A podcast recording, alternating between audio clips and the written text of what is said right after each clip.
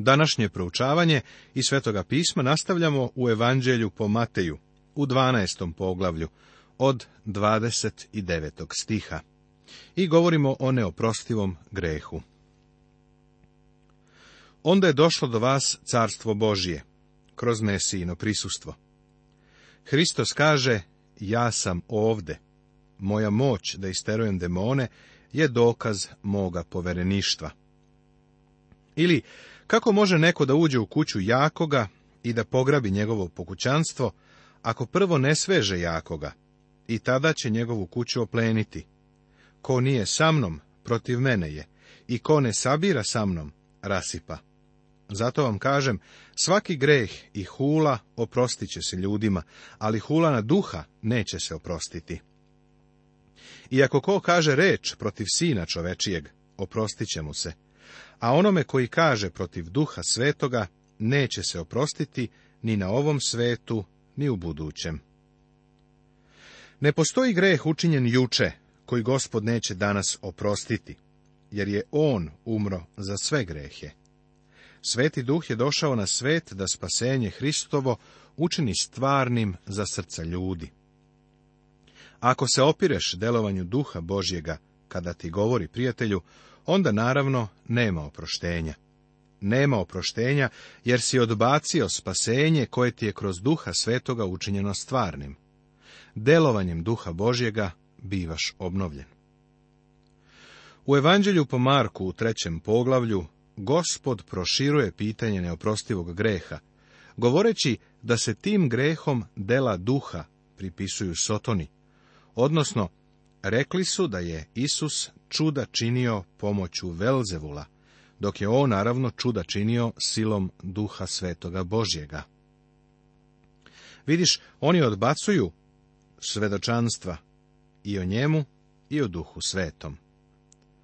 U naše vrijeme baš ovaj greh ne može da se počini, jer ga je bilo moguće počiniti kada je Isus bio na zemlji. Ne postoji greh koji bi ti mogao da učiniš za koji nema oproštenja. Naravno, ako se opireš Svetome Duhu, nema oproštenja, jer on donosi oproštenje. To je kao kad čovek umire od određene bolesti, a doktor mu kaže da ima leka za to. Međutim, čovek odbije da uzme lek i onda umre. Ne zbog bolesti, nego zato što odbija da uzme lek. Postoji lek za bolest greha. Taj lek primenjuje sveti duh. Ali, ako mu se odupreš, leka nema. Jedini tako greh danas može biti neoprostiv. Sada gospod kaže, zmijski porode, kako možete dobro da govorite kada ste zli, jer usta govore ono čega je srce puno. Zmijski porode, možda se sećate da ih je Jovan Krstitelj isto ovako zvao. Dobar čovek od dobroga blaga iznosi dobro, a zao čovek od rđavoga blaga iznosi zlo. Ono što se nalazi u bunaru srca, izaći će kroz vedro usta, rekao je neko. Ovo Isusovo jetko optuživanje verskih vođa otkriva da ih je on odbacio. Da li su počinili neoprostiv greh? Bar je raskol sa ovim neprijateljima konačan i rana se neće zaceliti. Ali vam kažem da će za svaku nekorisnu reč koju izgovore ljudi, odgovarati na dan suda. Nekorisna reč znači bogohuljenje. Jer ćeš po svojim rečima biti opravdan i po svojim rečima biti osuđen. Osudit ćeš se jer govoriš ono što ti je u srcu. Pismoznanci i fariseji traže znak. Tada mu odgovoriše neki od književnika i fariseja učitelju, želimo da vidimo od tebe znak znanci, književnici i fariseji sada koriste sljedeći prepredeni pristup Isusu. Oni se pretvaraju da prate njegov program, pa od njega traže znak. Oni nemaju nameru da poveruju zbog znaka. Samo pokušavaju da mu spreme klopku. Zapazi kako im gospod odgovara. A on im odgovori i reče, zli i preljubotvorni naraštaj traži znak, i neće mu se dati znak osim znaka proroka Jone. Šta je Jonin znak? Pa saslušaj. Jer, kao što je Jona bio u utrobi morske nemani tri dana i tri noći, tako će biti i sin čovečiji u srcu zemlje tri dana i tri noći. Gospod je kategorično odbio da im da znak, ali ih je uputio na dva događaja u starom zavetu. Prvi događaj je izveštaj o proroku Joni. Jona je očito bio podignut iz mrtvih, kada je bio u ribi. Bog ga je izveo iz tame i smrti u svetlost i život. Jonino iskustvo je bilo tipično za nastupajući pogreb i vaskrsenje Isusa Hrista. Ni nevljani će ustati na sudu sa ovim naraštajem i osudit će ga, jer su se pokajali na Joninu propoved. A vidi, ovdje je nešto više od Jone.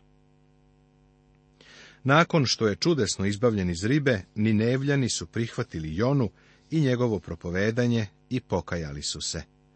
Dela Izraela, kao naroda, stavila su ga u mnogo gori položaj, zato što nije prihvatio svoga Mesiju i nije se pokajao. Drugi događaj na koji ih Isus upućuje odnosi se na Solomona. Kraljica Juga ustaće na sudu sa ovim naraštajem i osudit će ga, jer je ona došla s kraja zemlje da čuje Solomonovu mudrost, a vidi ovdje je nešto više od Solomona. Isus je bio veći i od Jone i od Solomona.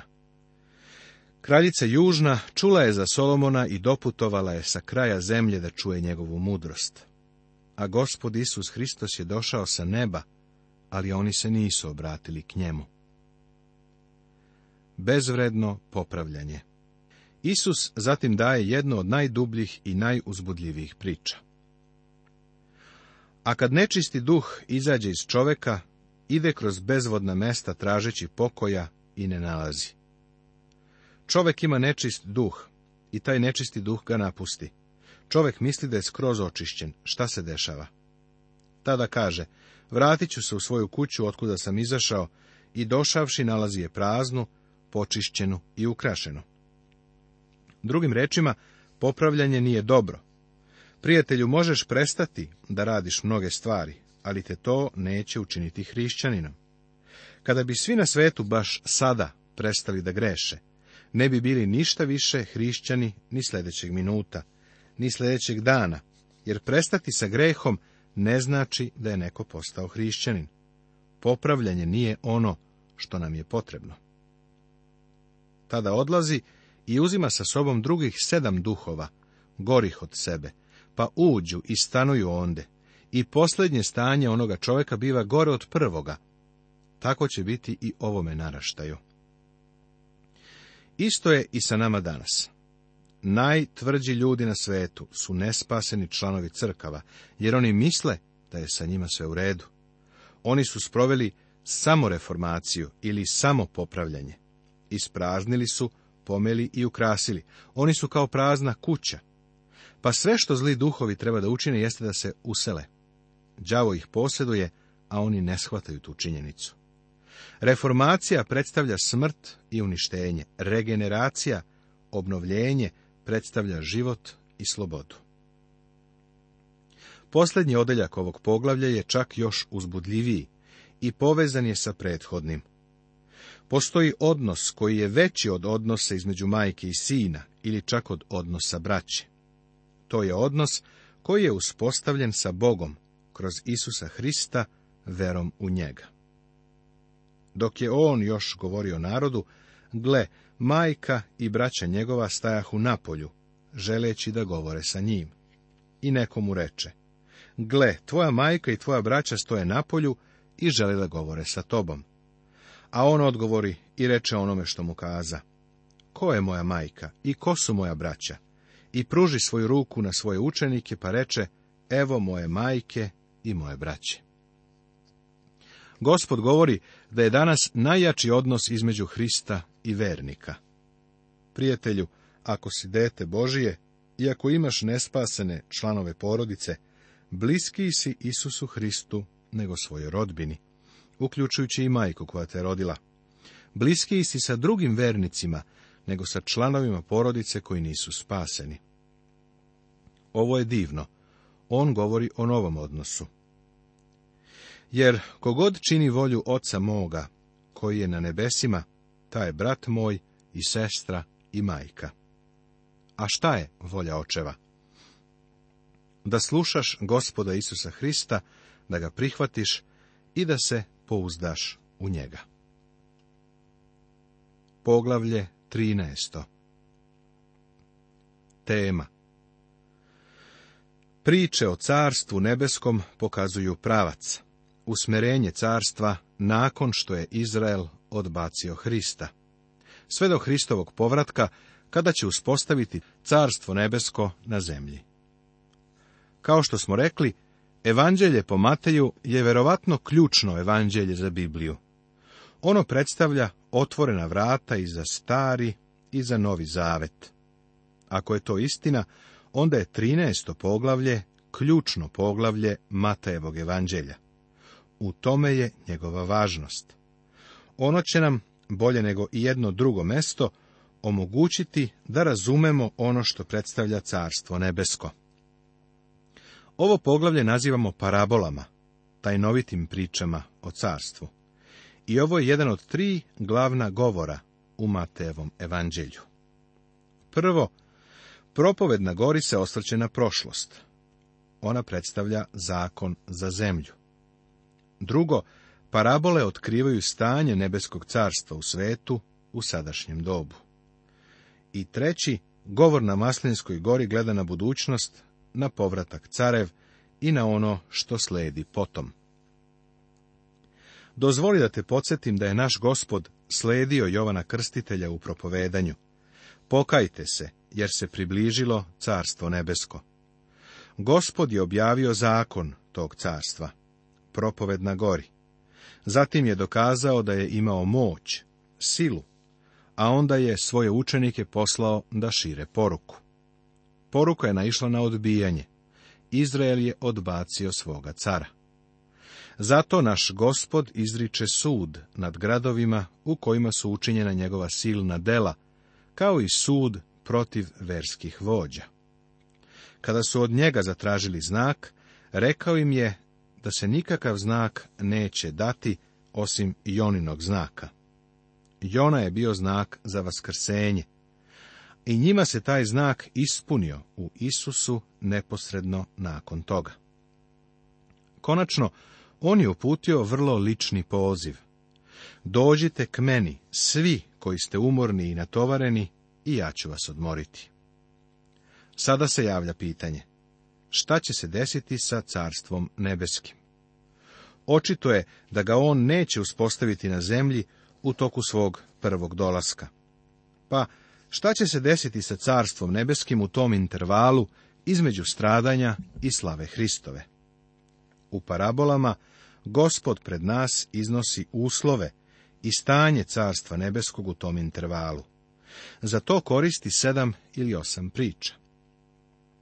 Ove priče se nazivaju i tajnovitim pričama, parabolama, jer u reči Božjoj nekada je tajna nešto što je skriveno sve do određenog vremena, a zatim biva otkriveno. Crkva je tajna prema ovoj definiciji, jer nije bila predmet otkrivenja u Starom Zavetu. Otkrivena je nakon Hristove smrti i vaskrsenja. U stvari, nije ni moglo biti crkve sve do Hristove smrti i vaskrsenja. U poslanici Efescima Svetog pisma Novog Zaveta u petom poglavlju u 25. stihu kažu da je Hristos zavoleo crkvu i samoga sebe predao za nju. Važno je primetiti da carstvo nebesko nije sinonim za crkvu, niti je crkva sinonim za carstvo nebesko. Danas je carstvo nebesko čitav hrišćanski svet. Deo sveta u kojem je hrišćanstvo dominantno može se smatrati hrišćanskim svetom. Očigledno je da je crkva hrišćanski svet, ali nikako ne celokupan. Parabole pokazuju usmerenost carstva nakon što je ponuđeno Izraelu i odbačeno. One otkrivaju šta će se desiti u međuvremenu, od doba kada je Hristos odbačen, pa do doba kada će se vratiti kao car. Ovim pričama gospod pokriva ceo period između doba kada ga je Izrael odbacio i svoga povratka na zemlju, da uspostavi svoje carstvo. Smatram ih vrlo značajnim. Kada započinjemo ovo poglavlje, zapazi da su vrlo zanimljivi sami Isusovi postupci. Onoga dana Isus je izašao iz kuće i sedeo kraj mora. I okupi se oko njega mnogi narod, tako da je on ušao u čamac i sedeo, a sav narod je stajao na obali. Obrati pažnju na simboliku. Onoga istoga dana Isus je izašao iz kuće. Ovo govori o kući Izraelovoj. I sedeo kraj mora. More predstavlja neznabožačke narode. Ovo je simbolika koja se koristi svuda u pismu. Gospod napušta Izrael i okreće se ka svetu. Sada govori o onome što će se dešavati u svetu sve dok se ne vrati kao car. Ovaj čin obeležava neverovatnu promenu koja se desila u njegovom metodu. Velika mnoštva naroda su se okupljala da ga slušaju, a on je ušao u brod i počeo da im govori dok su oni stajali na obali. Priča o sejaču Iako gospod kazuje nekoliko priča u ovom poglavlju, tumači samo dve. Priču o sejaču i priču o žitu i kukolju. Njegovo tumačenje je vodič za simboliku u drugim pričama. Na primjer, u ovoj priči o sejaču ptice predstavljaju Sotonu. Kada on koristi simboliku ptica u drugim pričama, možemo biti sigurni da one ne predstavljaju ništa dobro. Moramo biti dosljedni i pratiti gospodnje tumačenje. Priča o sejaču je prva parabola ili tajnovita priča i možemo je smatrati temeljem za sve ostale. I kaza im mnogo u pričama, govoreći. Gle, izađe sejač da seje. Nastavit ću odmah da dam gospodnje tumačenje seljača. On će nam kasnije reći da je sejač sin čovečiji, a da seme predstavlja reč Božju. I kada je sejao, jedna zrna padoše kraj puta, i ptice dođoše i pozobaše ih. Druga padoše na kamenito tle, gde nemahu mnogo zemlje, i odmah iznikoše, jer nemahu dubinu zemlje. A kad sinu sunce sagore ih, i kako nemahu korena, osušiše se. Treća padoše u trnje i naraste trnje i uguši ih. Četvrta pak padoše na dobru zemlju i donošahu plod, jedno po stotinu, drugo po šestdeset, a treće po trideset. Sejanje semena je bilo dobro poznat prizor u Palestini. Ljudi su orali zemljište vrlo primitivnim plugom. Ponekad čak ni toliko ne bi uradili. Zatim bi izašao sejač i seme bacao po tlu. Čak i danas u u našoj zemlji od severa do juga i istoka do zapada možeš vidjeti farmere kako seju žito, kukuruz i pamuk. Bio je to vrlo poznat prizor. Naravno, mi danas koristimo mašine za sejanje, dok se u ono vreme sejalo ručno. Kao što sam spomenuo, sejač predstavlja gospoda Isusa. Ovo saznajemo iz priče o žitu i kukolju kasnije, u 37. stihu.